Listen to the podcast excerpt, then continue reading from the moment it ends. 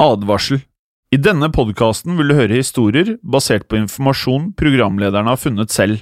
Programlederne står ikke nødvendigvis inne for meninger og syn som fremstilles. Noen påstander kan avvike fra virkeligheten.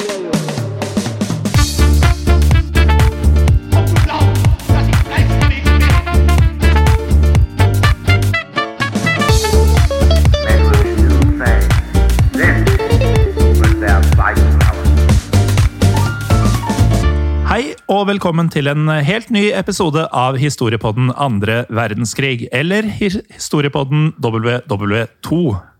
Eh, Jeg heter Morten Gallosen, og som alltid har jeg med meg min gode venn og kollega Jim Fosheim. Halla! Hallo, Morten. Vi har jo akkurat spilt inn en helt vanvittig episode av eh, Historiepodden min nå. Det har vi, og når vi sier vanvittig, så var den faktisk det. Jeg sitter fortsatt og tenker litt på hva vi akkurat har vært igjennom. Eh, Men vi skal jo snakke om noe helt vanvittig i dag også. Altså, Vi pratet om en av de verste seriemorderne gjennom tidene.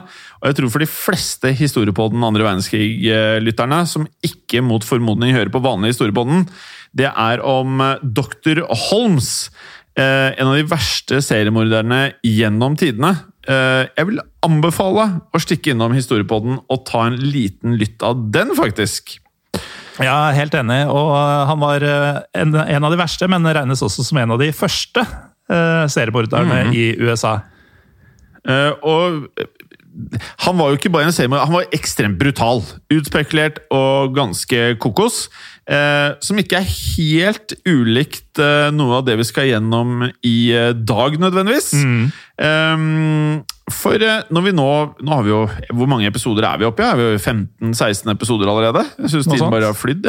Ja. Eh, og når man da lager podkast om eh, hendelser fra annen verdenskrig, så må man innimellom også belage seg på at eh, det dukker opp eh, forskjellige temaer, også veldig ubehagelige temaer. Eh, for vi skal ikke glemme at eh, selv om det er mye fascinerende ved annen verdenskrig, så var jo dette en brutal krig, mm. og tidvis veldig grusom. Og så har vi jo i historie på den annen verdenskrig ofte ja, valgt fokus på gjerne kuriøse ting, våpen, gale nazister, helter. Men i dag så blir en av de eh, dagene hvor vi da også må um, ja, ta et dypdykk i ting som kanskje er litt mørkere. Eh, Ja. Og grusomhetene blir tidvis ganske tydelige. Ja, eh, som du sier, Jim, dagens episode er en sånn fortelling. Eh, for vi skal snakke om en familie som het Aavits, og som ble sendt til eh, Auschwitz, som vi vet var en konsentrasjonsleir, eller en dødsleir for mange, mot slutten av krigen. Og denne historien har likevel noen komplekse vendinger. Og det er nettopp disse vendingene som gjør denne historien så interessant. Så uten å avsløre mer eh, på det, så syns jeg bare at vi skal gå i gang med denne ganske utrolige historien om familien Aavits. Ja, og dagens historie starter med Shimson Isaac Øvitz. Shimson var eh, av rumensk opphav eh, og livnærte seg av å være entertainer. Han opptrådte da først og fremst på jødiske bryllup, og var alltid en svært populær person og et populært innslag. Shimson skilte seg også ut ved at han var kortvokst, noe som ikke alltid var like lett på denne tiden i alle fall. Men eh, likevel brydde ikke Shimson seg verken om kommentarer eller at folk hyppig var nedlatende mot han, og levde da eh, livet sitt etter hva vi forsto til det fulle. Ja, det gjorde han så absolutt, eh, spesielt med tanke på kvinner. Eh, han var en ordentlig sjarmør, og gjorde det, mm, gjorde det rett og slett veldig bra på kjærlighetsfronten. I løpet av livet så gifta han seg også to ganger. Og begge gangene da ikke med andre kortvokste, men øh, ja, altså kvinner av mer eller mindre normal høyde. Og via disse ekteskapene så fikk Shimson til sammen hele ti barn. Og i og med at Shimson selv var kortvokst, så ble også sju av disse ti barna kortvokste. Og Aavits ble dermed verdens største familie med kortvokste. Ja, de ble det. Eh, Og da de syv kortvokste barna ble noe eldre, viste det seg raskt at de hadde arvet farens trang til å opptre. De begynte alle sammen å spille instrumenter, de drømte om å kunne leve som musikere på heltid, og denne drømmen gikk også i oppfyllelse. For de syv barna, Morten, de gikk eh, nemlig sammen, de, og dannet eh, et orkester som på engelsk ble kalt for The Lilliput Troop. På norsk Lilleputt-troppen. Eh, og gjennom musikken deres så var ambisjonen deres å spre glede, de ønsket å spre håp til stort sett alle mennesker, også de som var annerledes. Noe de lyktes svært godt med, etter hva vi forstår. Ja, for det skulle ikke ta lang tid før denne Lilleputt-troppen ble populær, og konsertene deres var alltid så fulle av dans og sang og liv og glede at eh, folk ikke fikk nok. De hadde alltid på seg sine fineste kjoler og dresser og spilte på sine karakteristiske miniinstrumenter. mini-instrumenter. Og det å være på en Aavits eh, Lilliput Troop-konsert må rett og slett ha vært en ganske unik opplevelse. Det syntes i alle fall menneskene i Sentral-Europa. Ja, de gjorde det. For uansett hvor Lilleputt-troppen reiste, så ble konsertene helt utsolgte. De turnerte bl.a. rundt om i Romania, de var i Ungarn, Tsjekkoslovakia, blant flere. Og utover 1930-tallet begynte likevel stemningen da i disse landene her å forandre seg, som vi vet. For nazismen den fikk fotfeste i Tyskland, og ideologien den bredte seg til mange andre land. Og for Øwitz-familien, som som sagt da var jøder, skjønte etter hvert at eh, karrieren deres nå skulle stå i fare. Ja, I 1940 så kom det en ny lovgivning i landet som gjorde det klart at eh, jøder ikke hadde lov til å underholde andre ikke-jøder. Eh, og Dette kom selvfølgelig som et sjokk på Aavits-familien, men eh, de klarte likevel å finne en slags løsning på dette problemet. For på en eller annen måte så fikk de nemlig tak i noen falske papirer, som da benektet at familien faktisk var jøder. Og dette gjorde det mulig for dem å fortsette med turnévirksomheten, faktisk helt fram til 1944. Ja, og det i seg selv er jo ganske imponerende at de kunne holde på så store deler av krigen. Mm. Men i 1944 så sa det plutselig stopp. Og um, med det så var det da noen SS-soldater som da fikk greie på at Øwitz-familien faktisk var jøder og at de hele tiden hadde da operert med falske papirer. Dessuten var familien Øwitz kortvokste, derfor i nazistenes øyne da ansett som uekte mennesker. Og med det ble hele familien Øwitz satt på tog, sendt av gårde til konsentrasjonsleiren i Auschwitz. Ja, og det var ikke uvanlig at eh, kortvokste eller andre mennesker med ja, en annerledes kropp ble sendt dit, men det var svært uvanlig at sju kortvokste dukka opp sammen. Og som en uh, bisarr del av denne fortellinga, så var det nettopp dette som skulle redde dem. For hadde de dukka opp én og én, så hadde de etter all sannsynlighet blitt sendt rett i gasskammeret. Men denne unike familiesituasjonen deres den fanget oppmerksomheten til en eh, svært spesiell mann. Ja, Og denne spesielle mannen var ikke spesiell av eh, ja, positiv assosiasjon. Dette var nemlig doktor Josef Mengele. Eh, og det var hele 3500 mennesker på toget sammen med Øwitz-familien. Og disse ble 3100 drept med det samme ankomst. Og da de første fangene hadde gått av toget, hadde en av soldatene da fått øye på Øwitz-familien, og med det gikk han rett til Josef Mengele. Og dette var, eh, slik vi har fått det beskrevet, sent på kvelden, og Mengele lå faktisk og sov da han fikk beskjeden. Og vakten som da hadde lagt merke til familien Øwitz, mente at det var så viktig for Mengele å være klar over denne familien at han valgte å vekke Josef Mengele mens han sov. Ja, og det var et eh, rett valg, skulle det vise seg. Og hadde det bare vært snakk om eh, én kortvokst, eller kanskje tvillinger, så hadde det nok ikke vært nok for at Mengele skulle synes det var greit å få nattesøvnen avbrutt. Men da denne vakta fortalte at det hadde ankommet en familie med sju kortvokste til leiren, skal eh, Mengele visstnok ha blitt overlykkelig. Ja, Han ble overlykkelig, og på dette tidspunktet hadde Mengele allerede utført flere hundre kvasimedisinske forsøk på mennesker som han da mente i hans øyne var abnormale. Og det skulle derfor en del til før interessen til Mengele ble trigget på denne måten. Og han hadde for lengst sluttet å gjøre forsøk på kortvokste, og lot dem heller dø på dette tidspunktet av krigen.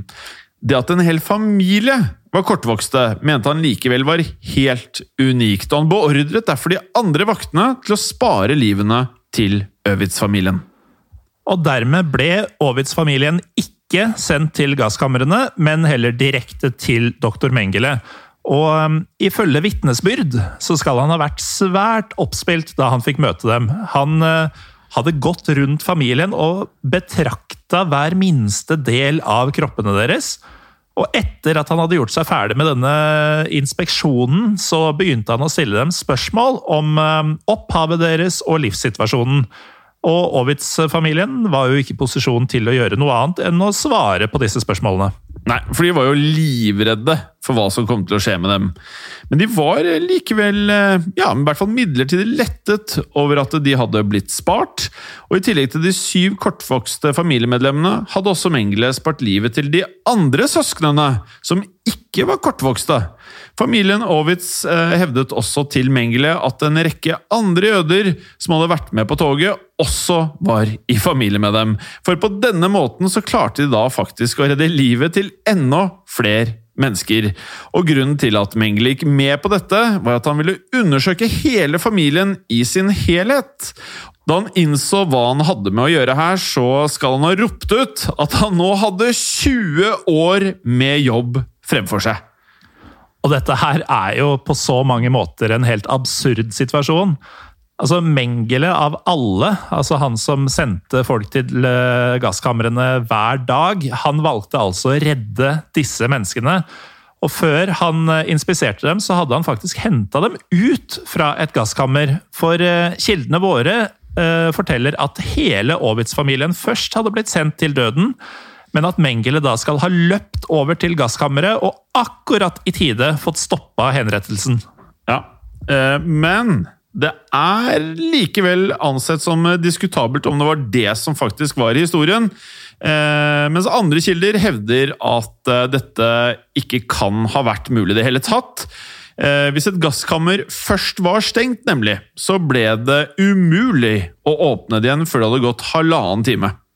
En del historikere tror derfor at Ovitz-familien ble sendt til desinfisering, og at dampen inni dette rommet ga inntrykket av at man da faktisk ble gasset.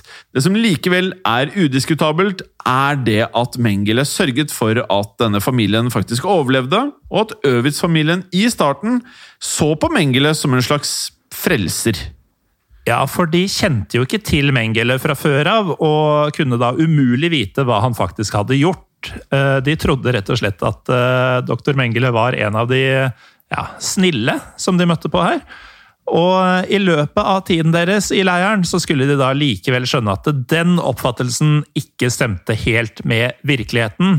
Men Mengeles sanne intensjoner tok det faktisk litt tid før ble tydeliggjort for dem. Ja, det tok tid. For den første tiden behandlet Mengele sine da kortvokste fanger med silkehansker, etter hva vi forstår. For Ovitz-familien ble ikke sendt i brakker der de andre jødene bodde, men fikk et eget hus, og fikk også lov til å gå i sine helt egne klær. I tillegg til dette så fikk de også andre goder, som annet at de fikk tilgang på mer mat enn de andre fangene, og også varme tepper. Mengele ba også om at håret deres ikke skulle barberes vekk, fordi han da trengte dette håret til andre eksperimenter. Og Grunnen til at Ovitz-familien fikk denne særbehandlinga, den er egentlig ganske enkel. For Mengele han hadde tilgang på en rekke forskjellige mennesker med spesielle trekk. Men Ovitz-familien var helt unike, for han hadde aldri sett en familie med sju kortvokste og var derfor svært opptatt av at de skulle holde seg friske, slik at han kunne undersøke dem i flere år. Så det var jo da eh, ikke godhet eh, fra Mengele som redda livet til Ovitz-familien, men heller en eh, slags forstyrra fascinasjon. Definitivt. Og Mengele var jo på denne tiden kjent for sine eksperimenter på tvillinger. Men disse eksperimentene var faktisk ikke hans egen idé. Det var nemlig Mengeles mentor, professor Ottmar von Verschuer, som hadde bedt om at han skulle gjennomføre disse undersøkelsene. Og målet med undersøkelsene var å finne ut hvordan man kunne føde tvillinger, slik at germanske kvinner kunne få dobbelt så mange barn.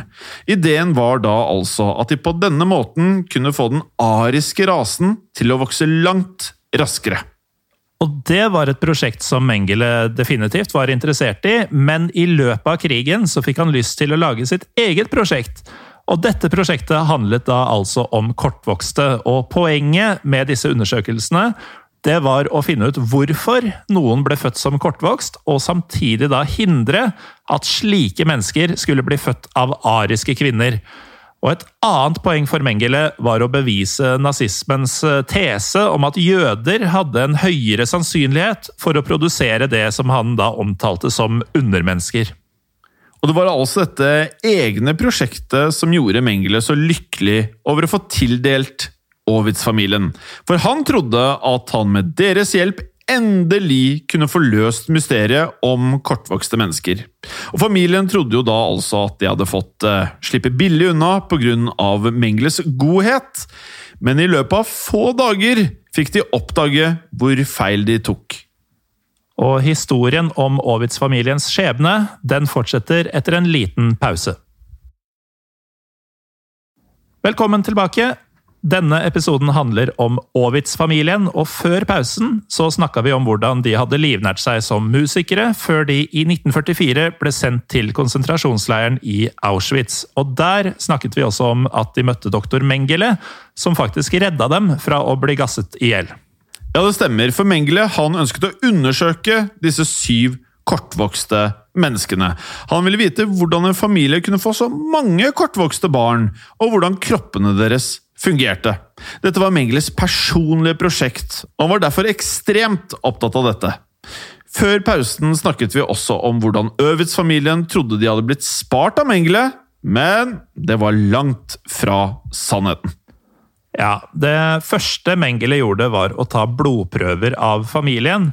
Og Det høres jo uskyldig nok ut, men dette var ikke bare små stikk i armen. Dette var rett og slett blodtømming. Altså Mengele tok så mye blod fra kroppene deres at de til slutt besvimte. Og han mente at dette blodet kunne gi svaret på de spørsmålene han hadde. Og I tillegg til dette så stakk han en nål inn i korsryggen for å trekke ut eh, det som kalles spinalvæske fra ryggmargen. Ja, Ovids-familien har i senere tid omtalt dette som nærmest uutholdelige smerter, og at denne tappingen av blod også ble en daglig rutine. For hver eneste dag så tappet Mengele blod fra kroppene deres helt til de besvimte. Men det var likevel ikke dette som var det aller verste her. For etter hvert som tiden gikk, begynte Mengele også å utføre en rekke andre eksperimenter på familien Ovitz. Og et av disse eksperimentene var å helle kokende vann ned i ørene deres. Ja, og nå begynner det å bli eh, ille her. og i, da, I tillegg til både blodtapping og kokende vann i ørene, så gjennomførte han utallige ekstremt smertefulle operasjoner. Altså, Han trakk ut helt friske tenner og rev ut store never med hår. Og han opererte også ut beinbiter fra kroppene deres, sånn at han kunne sammenligne disse med ordinære menneskebein. Ja, og til tross for eh, det som føles som uforståelig grusomhet, så bestemte likevel Ovitz-familien å gjøre det beste ut av den grusomme situasjonen. For de skjønte jo at de kun var i live fordi Mengele ønsket å gjøre disse grusomme undersøkelsene. Så selv om disse eksperimentene nesten var uutholdelige, foretrakk de dette fremfor døden. De bestemte seg derfor for å alltid samarbeide med Mengele, og gjorde stort sett alltid som de fikk beskjed om. Og før de skulle til operasjonssalen, så kledde de seg ofte opp i sine fineste klær, og kvinnene i familien sminka seg. De tiltalte alltid Mengele som sir, eller til og med Deres Eksellense, slik at han hele tiden skulle føle seg fornøyd. Og det virker også som om denne taktikken fungerte, for Mengele sørga hele tiden for at Ovitz-familien eh, på sett og vis hadde det bra utenfor operasjonssalen. Og de aller fleste av Mengeles eh, forsøkspersoner de ble jo drept etter en liten stund, men familien Ovitz var det ingen som fikk lov til å røre. I konsentrasjonsleirene så handlet det mye om å overleve så lenge man klarte. For å få til dette måtte man gjøre det man kunne for å prøve å holde de tyske soldatene fornøyde. Og én måte å gjøre dette på var å bruke sine yrkesferdigheter. Hvis man da tidligere hadde jobbet som frisør, kunne man prøve å tilby hårklipper til soldatene i bytte mot en sigarett eller bare litt mer godvilje.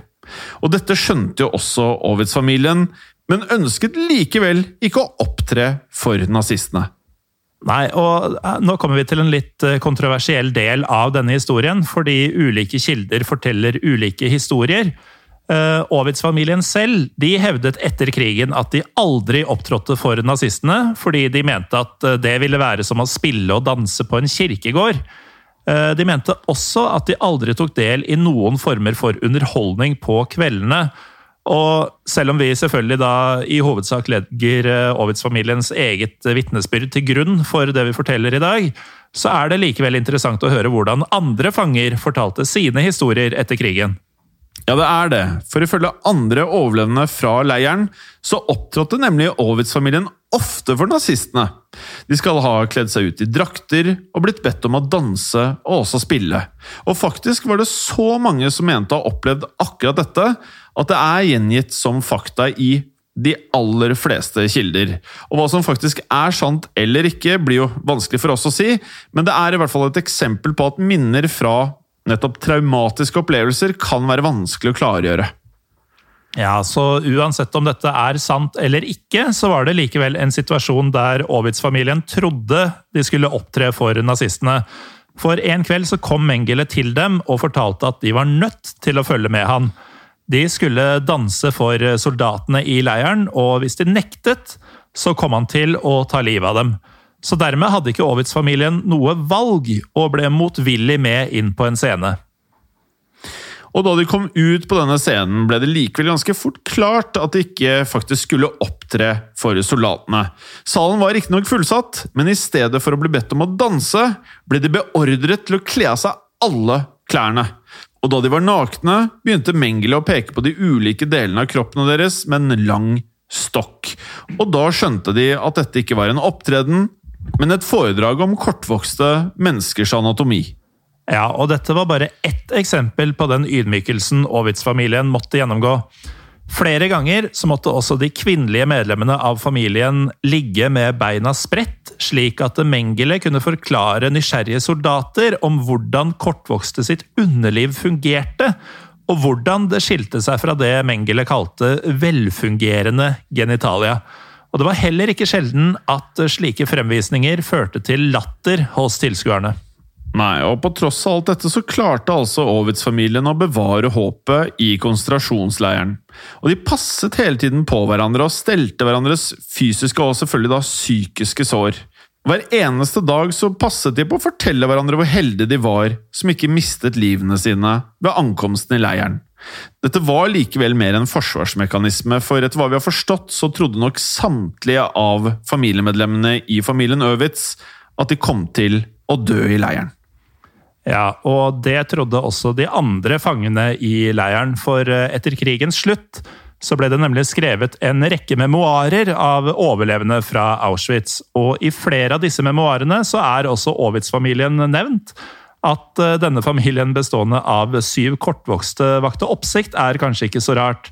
Men det som er spesielt her, er at flere av disse overlevende hevdet at de så Ovitz-familien miste livet. Ja, og i mange av bøkene kan man faktisk også lese ganske detaljerte beskrivelser om at medlemmer av Øvitz-familien ble skutt, eller faktisk også brent levende.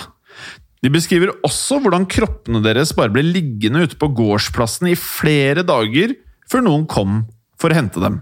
Og Det spesielle med dette er at eh, det absolutt ikke skjedde. Og samtlige av Ovis-familien overlevde nemlig konsentrasjonsleiren.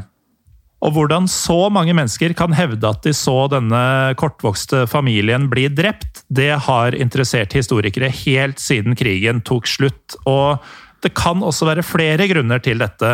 For eh, de fleste som så Aavits-familien, trodde nok ikke at eh, disse små menneskene hadde noen som helst sjanse til å overleve grusomhetene som foregikk i konsentrasjonsleiren. Og I tillegg så ble Aavits-familien ofte flytta rundt til forskjellige steder i leiren, noe som igjen kan forklare hvordan de trakk disse slutningene, at Aavits-familien rett og slett ble borte, og at de da antok at de var døde. En annen grunn til at disse memoarene hevder at de så Øvitz-familien dø, kan være at det faktisk døde en rekke andre kortvokste i løpet av den samme perioden som de var der. Og så hører det også til i historien at Mengele trengte andre kortvokste for å da kunne sammenligne dem med Øvitz-familien. Og ved ett tilfelle Morten, så skal en kortvokst mann ha blitt kokt levende, slik at kjøttet på kroppen skulle slippe fra skjelettet hans. Og på den måten så kunne Mengele da undersøke beinrestene opp imot kroppene til Øvitz-familien. At eh, andre kortvokste mista livet, det fikk også Aavits-familien etter hvert eh, greie på. Og det gjorde selvsagt at de ble ekstra redde for sine egne liv. Så i intervjuer etter krigen så har medlemmer av familien Aavits fortalt at eh, de på et tidspunkt hadde innstilt seg på at de aldri ville komme ut herfra med livet i behold. Men de ønska likevel å prøve så langt det gikk. Og En annen ting som kommer fram i disse intervjuene, er eh, familiens eh, rett og slett paradoksalt ambivalente forhold til Mengele. Ja, for til tross for at han utførte ekstremt smertefulle eksperimenter på dem, var det likevel han som hele tiden holdt dem i live. Og dette førte jo da til at familien følte seg tryggest rundt Mengele. Hvis han f.eks. var borte fra leiren en uke, var de hele tiden livredde for at noen av de andre vaktene skulle bestemme seg for å ta livet av dem. Ved ett tilfelle så ble også hans beskyttelse av dem ekstra tydelig. For det fantes nemlig en annen lege i Auschwitz som var misunnelig på Mengeles status. Og denne legen hadde ofte ansvaret for å velge ut dem som skulle i gasskammeret, og valgte ved en anledning to medlemmer fra familien Aavits for å hevne seg på Mengele. Så da Mengele fant ut dette, så skal han ha blitt fullstendig rasende, og um, klarte da heldigvis å stoppe dette før de ble sendt inn i døden. Mengele fortsatte likevel med eksperimentene sine på familien gjennom hele 1944. Og mange av detaljene fra disse undersøkelsene er også så grusomme at eh, vi har valgt å ikke gjenfortelle dem her. Mm. Som vi alle vet, så endte jo krigen kun et år senere. Og sovjetiske tropper hadde i starten av 1945 kommet seg langt inn i Polen, og var snart da framme ved konsentrasjonsleirene. Så den 17. januar skjønte Mengele at slaget var tapt, og flyktet dermed fra leiren. Ja, og Bare ti dager etter det så nådde de sovjetiske troppene fram, og de i leiren som hadde overlevd fram til nå, de ble endelig satt fri. Og Blant disse var da også familien Aavits. I et helt år så hadde de vært gjennom eh, grusomme ting, men lettelsen over å komme unna det, med livet i behold, den må jo ha vært helt enorm hjem. Og etter ytterligere sju måneder så kunne endelig familien vende tilbake til sin hjemby i Romania. Men det var jo likevel ikke den samme byen som de en gang hadde forlatt. På ingen måte, for av de 350 jødene som hadde bodd i byen, var det nå kun 50 stykker som kom tilbake fra konsentrasjonsleirene. Og da skjønner man jo også at tilbakekomsten derfor ikke bare var fylt med glede, men også med en stor sorg. Og da staten Israel ble opprettet i 1948, bestemte derfor familien Ovet seg for å flytte nettopp dit. Og i Israel så etablerte de seg på nytt og begynte nok en gang å opptre for mennesker som orkesteret Lilleputroppen. Og de neste årene så levde Ovitz-familien et godt liv i Israel. De spilte en rekke konserter og starta etter hvert en suksessfull kino i havnebyen Haifa. Og de fleste av familiemedlemmene ble også godt over 90 år gamle før de døde. Den viktigste kilden til historien om Ovitz-familiens opplevelser kom likevel fra Perla Ovitz, som var den siste gjenlevende i søskenflokken fram til hun døde i 2001. Ja, det stemmer. Og i et intervju som ble gjort til en bok om familien, så fortalte hun alle detaljer fra oppholdet deres i Auschwitz om sitt ambivalente forhold til Josef Mengele. Hun fortalte at eh, tross grusomhetene som ble gjort mot dem, så kjente hun likevel et stikk av takknemlighet overfor Mengele. Hun mente at de tross alt ville ha blitt drept hvis det ikke var for han. Hun fortalte faktisk også at hun kjente seg trist da hun fikk vite om hans død. Ja, det er jo eh, smått utrolig for oss utenforstående at eh, hun hadde den type følelser knytta til Mengele.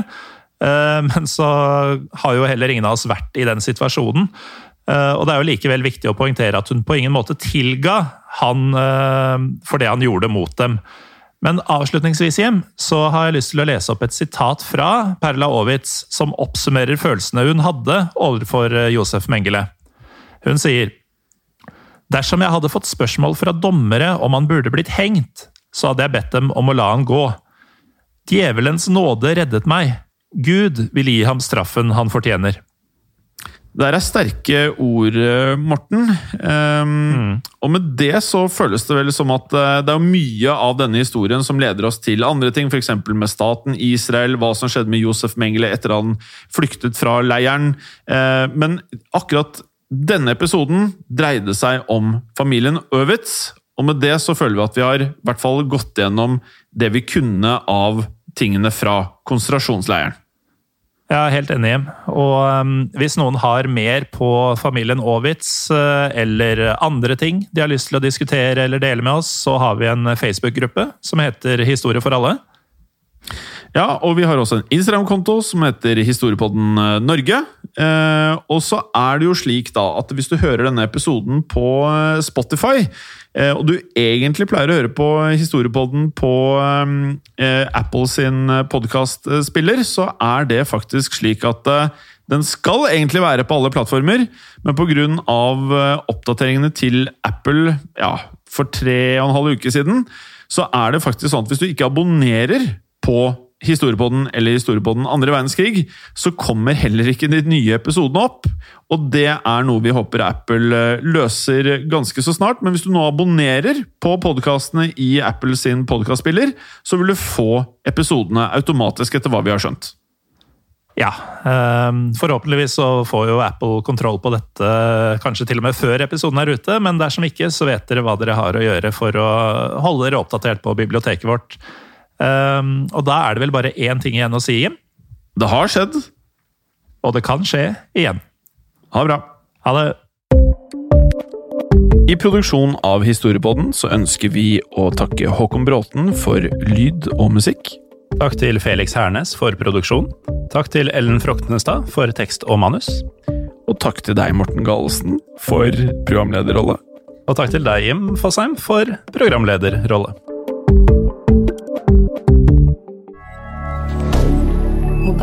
Media.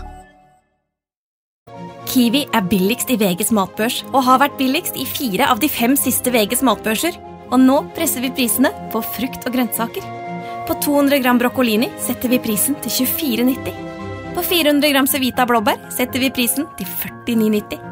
Og husk, alle Kiwi Pluss-kunder får i tillegg 15% trumfbonus på all fersk frukt og grønt. For det er vi som er prispresserne. Og vi i Kiwi gir oss aldri på pris.